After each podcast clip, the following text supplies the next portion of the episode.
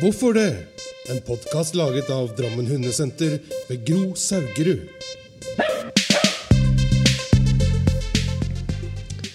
Ja, Gry, nå er vi samla igjen, vi to. Ja. Vi har lagd to podkaster før, og det var jo så gøy. Så nå Ja. må vi lage en til, og da var det Begynner å bli en trend. Det har vært tre ganger. ja, da er det en tradisjon. Um, eller en trend. Um, et tema som vi brenner for begge to, det er det vi har valgt i dag. Og det er et litt sånn land-tema. Mhm. Og det er om dominans. ja. Mm. Vi trekker pusten. ja det, er så, det er jo Utfordringen er egentlig at eh, det ikke er definert ute blant folk. Så folk legger litt forskjellig i det uttrykket. Mm. Eh, noen eh, får piggene ute. Eh, andre nikker. Eh, men det bildet de får i hodet, kan være veldig forskjellig. Mm. Eh, Da jeg begynte med hund for lenge siden, eh, så, så var dominanse veldig viktig. Mm. Du skulle, lederskap var viktig. Ja. Det var liksom det ordet som ble brukt først. Det var nesten du skulle være en god leder og Ja. sjef. Ja. Ja, og, og, og hvis det oppsto et problem, så var du en dårlig leder, og du måtte gå hjem og forbedre lederskap. Ja. Men hva jeg skulle gjøre, det visste jeg ikke helt. Så gikk det en tid. Mhm. Jeg traff eh, nye mennesker, nye miljøer. Eh, da skulle man være den dominante. Da skulle man legge hunden i bakken, Mm. og så skulle man holde den nede til den ble apatisk. Og, og da skulle alt bli så meget bedre etterpå. Ja. Og jeg husker det var et tegn som var veldig viktig. det var det at når, når du holdt hunden nede, og den lå nede, så ville den stritte imot, og så ville den ligge litt rolig. Og idet den på en måte tok et sånt magedrag, sånn, da var du igjennom. Da kunne du slippe hunden. Da kunne den få reise seg opp, og så kunne du begynne å trene. Mm.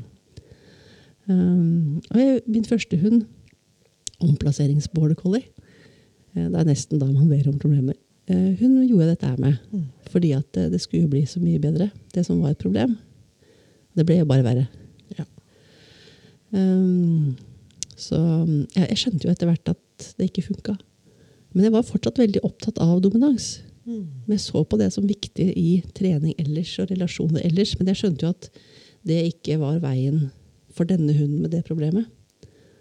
Uh, og så gikk jo tiden, og så lærte man mer, og så skjønte man at det her var jo helt feil. Mm.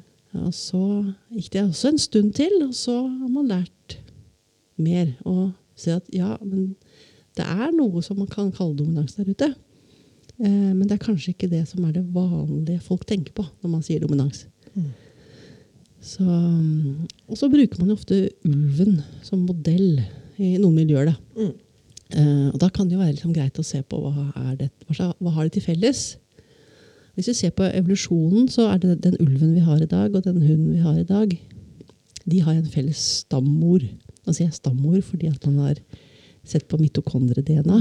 Altså arvestoffet som ligger i kraftstasjonen i cellene. De arves med eggcellene, ikke med sædcellene. Og de muterer eh, med en viss hastighet, så man kan se tilbake i tid. Når var disse her i, i slekt? Eller når var de, hadde de sett felles opphav? Mm. Eh, og der har man gjort forskjellige studier. og man, Problemet er at vi har forskjellige raser rundt omkring, og forskjellige verdensdeler. og Man mener at de kommer fra Midtøsten, og så mener man at de kommer fra Øst-Asia. Og så sier man 15 000 år, og så sier man 30 000 år. Og så gjør man noen arkeologiske funn som sier oi, det var 33 000 år. Og så noen som sier ja, men det kan være mer enn det også, men det ser vi ikke. Mm, så ja. Det er noen titalls tusen år siden de hadde et felles opphav. Ja. Og det var det første dyret som vi domestiserte. Ja, det var det. Mm. Mhm. Og man har forskjellige typer modeller på hvordan det kan ha skjedd. For det er ingen som var der og så det. Men det man tror, er at eh, når eh, mennesker hadde noen boplasser Eller man levde jo som jegere og samlere, men Mm.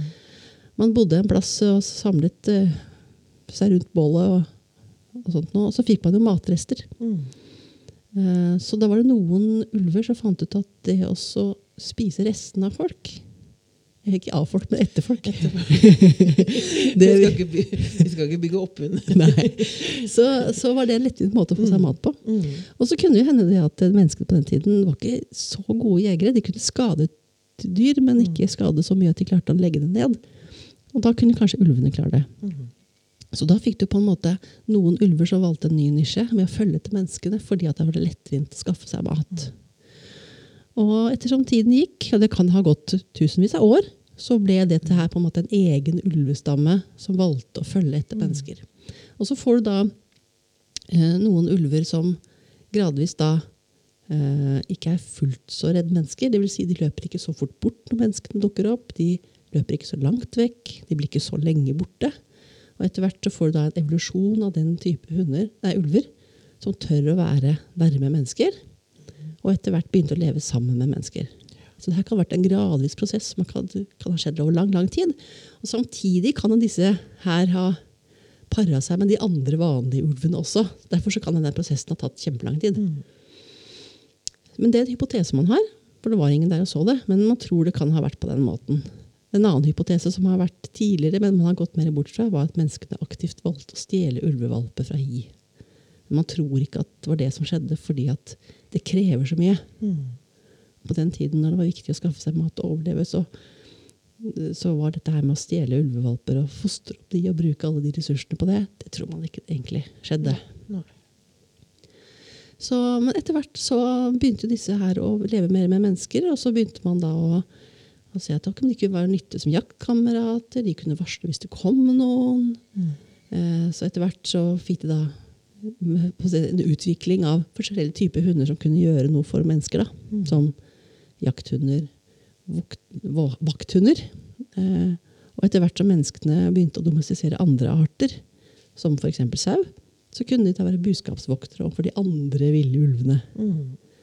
Så et eller annet sted på veien her så, så ble den dalevende ulven den ble til den hunden som vi har i dag.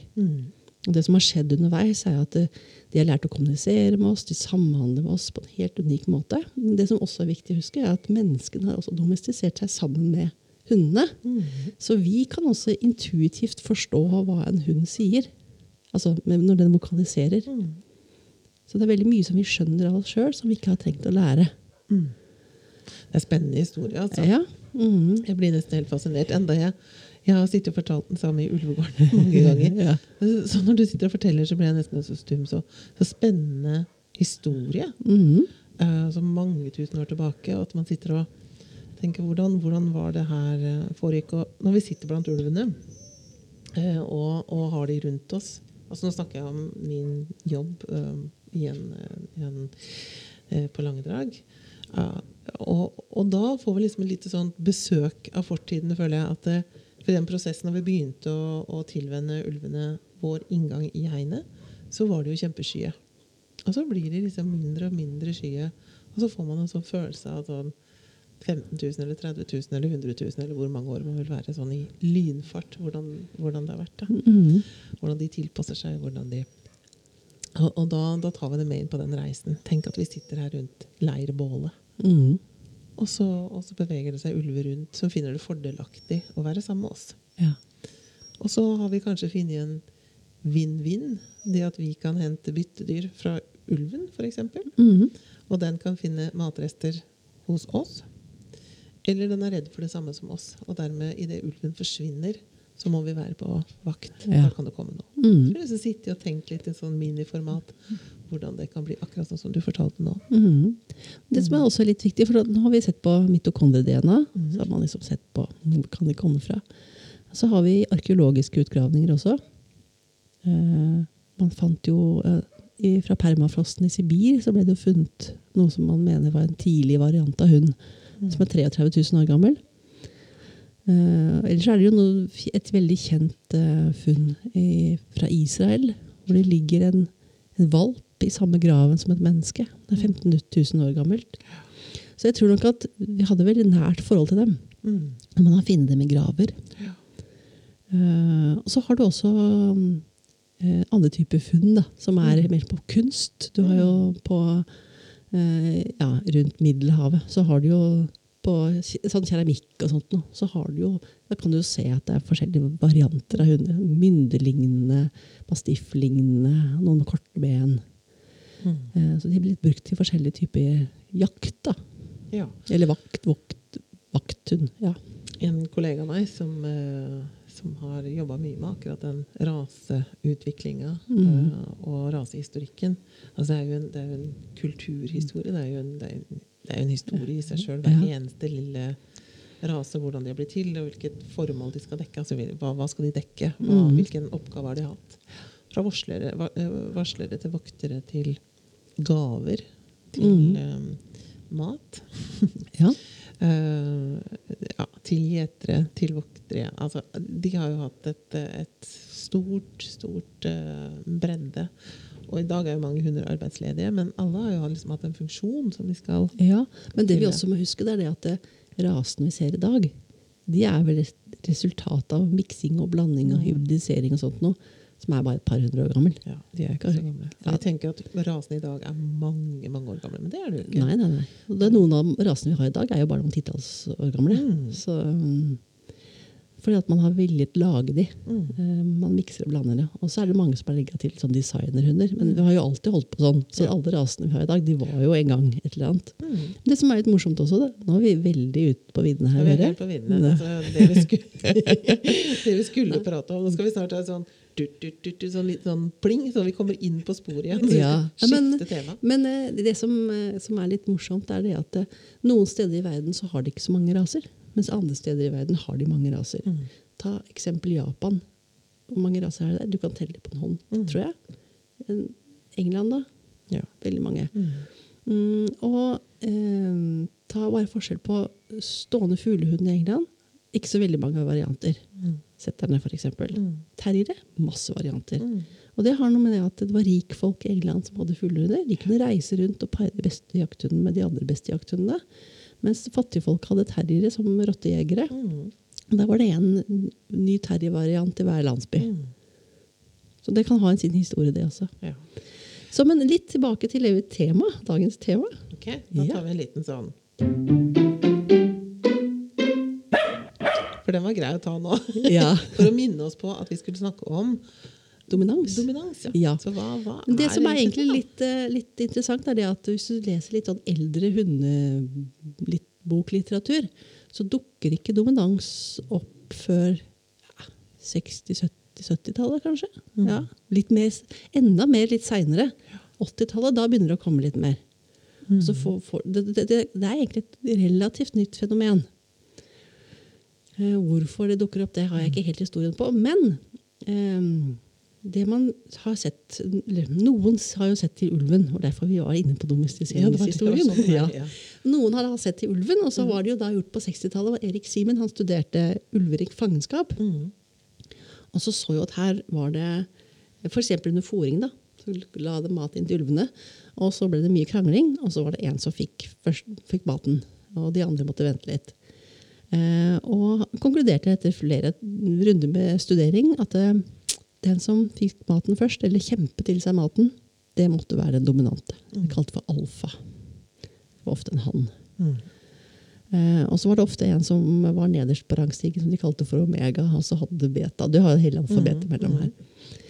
Um, den modellen den ble jo mye omtalt og, og brukt mye. Og så var det seinere så var det en som het David Mitch. Jeg aldri si det David navnet. Mitch, ja. Mm. Han eh, har studert ville ulver i flere titalls år. Eh, og han sier det at eh, hos viltlevende ulv så lever de i en familiegruppe. Mor og far og valper, og kanskje en og annen slenger av fjorårsunge. Mm. Um, sjelden noen konflikter. Det er liksom det er en familie. Hvem bestemmer i en familie? Jo, det er stort sett mor og far. Ja, det er ganske naturlig. Det er de eneste kjønnsmodne individene. Og når konflikter kommer i ulveverden, så handler det jo veldig mye om øh, altså løpetiden og paringstiden. Ja. Det er liksom der ofte konfliktene ligger. Ja. Når man lever som vilt individ, eller Ja. Det er, mm, tanken er jo at man skal få ungene til å overleve og klare seg sjøl. Så hvis det er mye konflikter, så bruker man mye ressurser. Man blir mye stress. Risikoen for å skade noen. Det er ingen dyrlege som gir antibiotika og lapper sammen sår. Så mye konflikter og skader er lite hensiktsmessig. Men det er ganske, det er ganske interessant, Gry. fordi jeg har jobba med art, eller mange ulike arter. Mm. Og når jeg har med folk inn til ulvene For det er kanskje der mange spørsmål som handler om hund, kommer. Fordi at de er så like. De mm. føler liksom at de sitter blant hunder. Eh, og så kommer jo spørsmålet mye om hvem er sjefen? Ja. Hvem er som er sjefen i gruppa, eller flokken her? Um, og og ja, mange er litt orientert rundt det.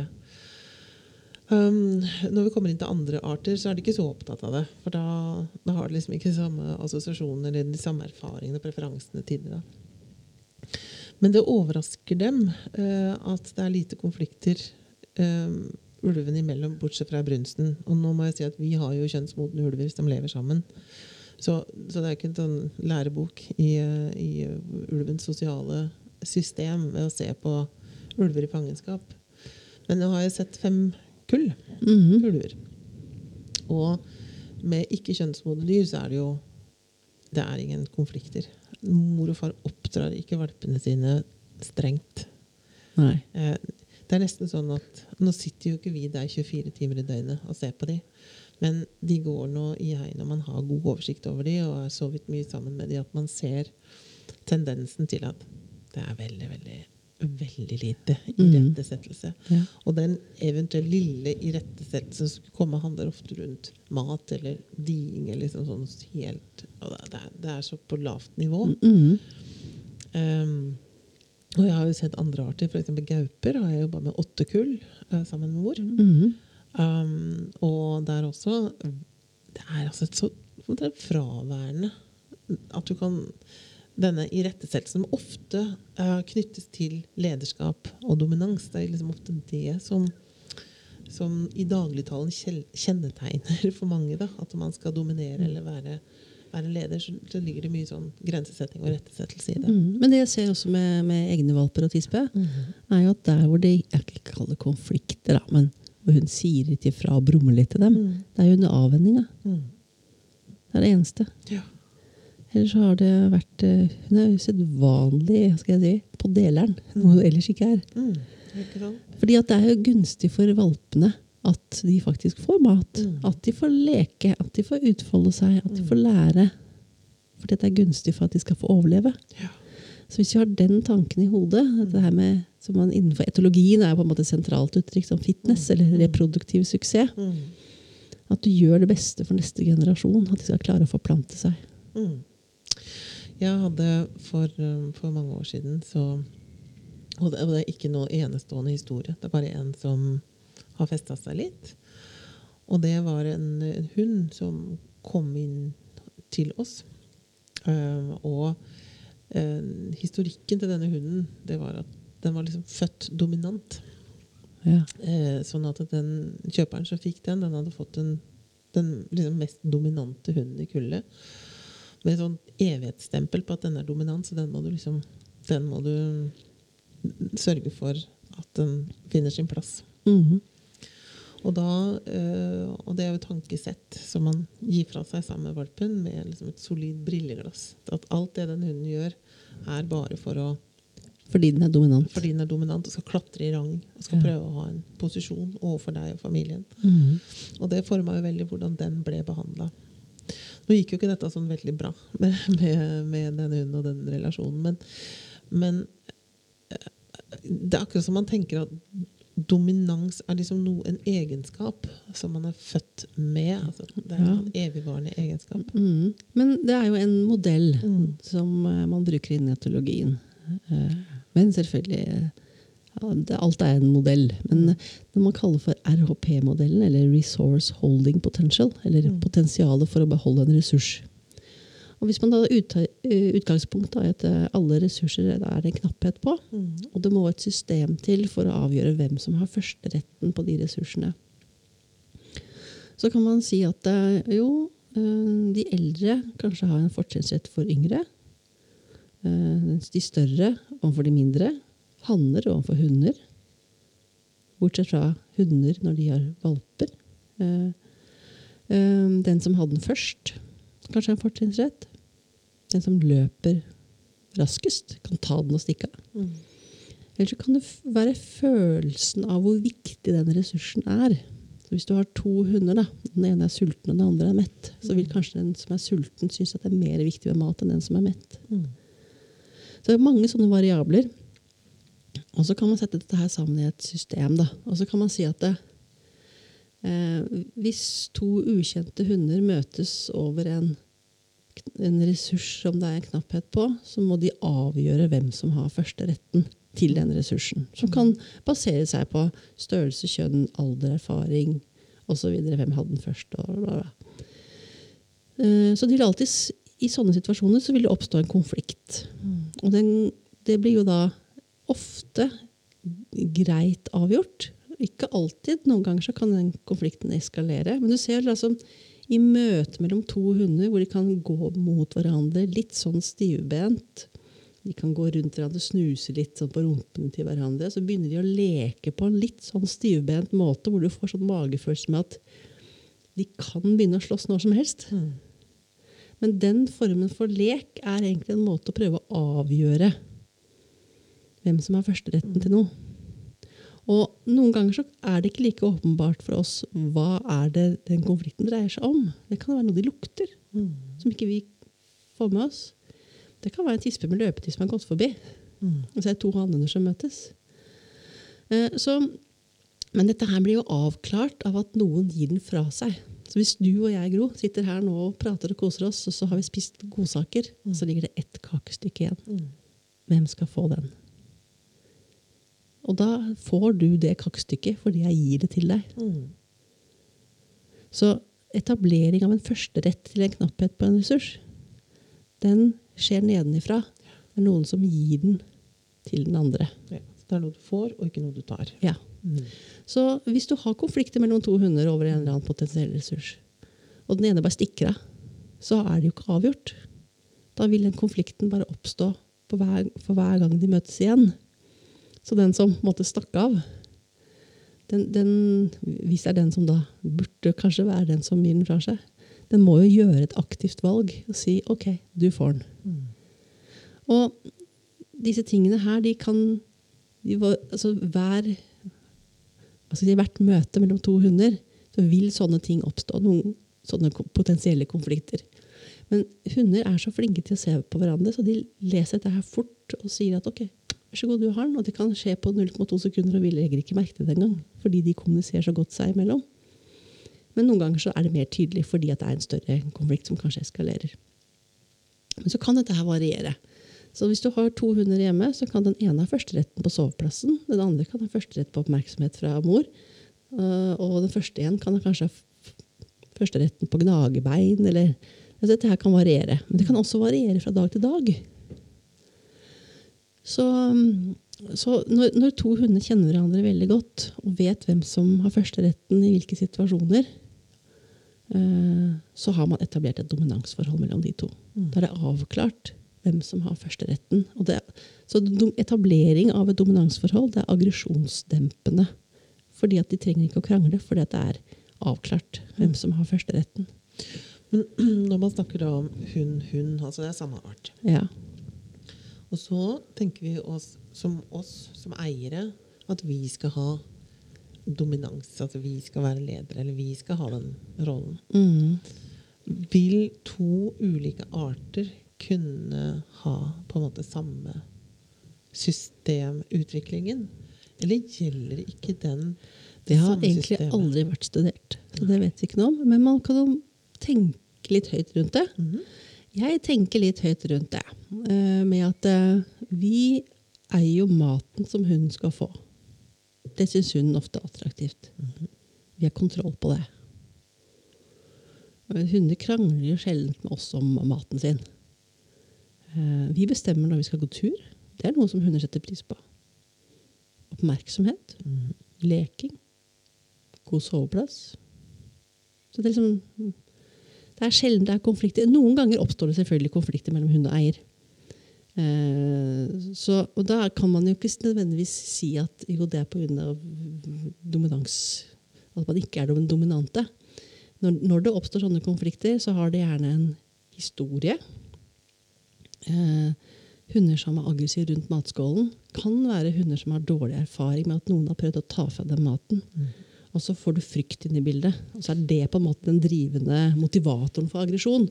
Eh, og det er ofte fryktelementet i hundene som er en motivator for ikke kalle det motivator, da, men som fører til aggresjonen som vi ser mellom hund og eier.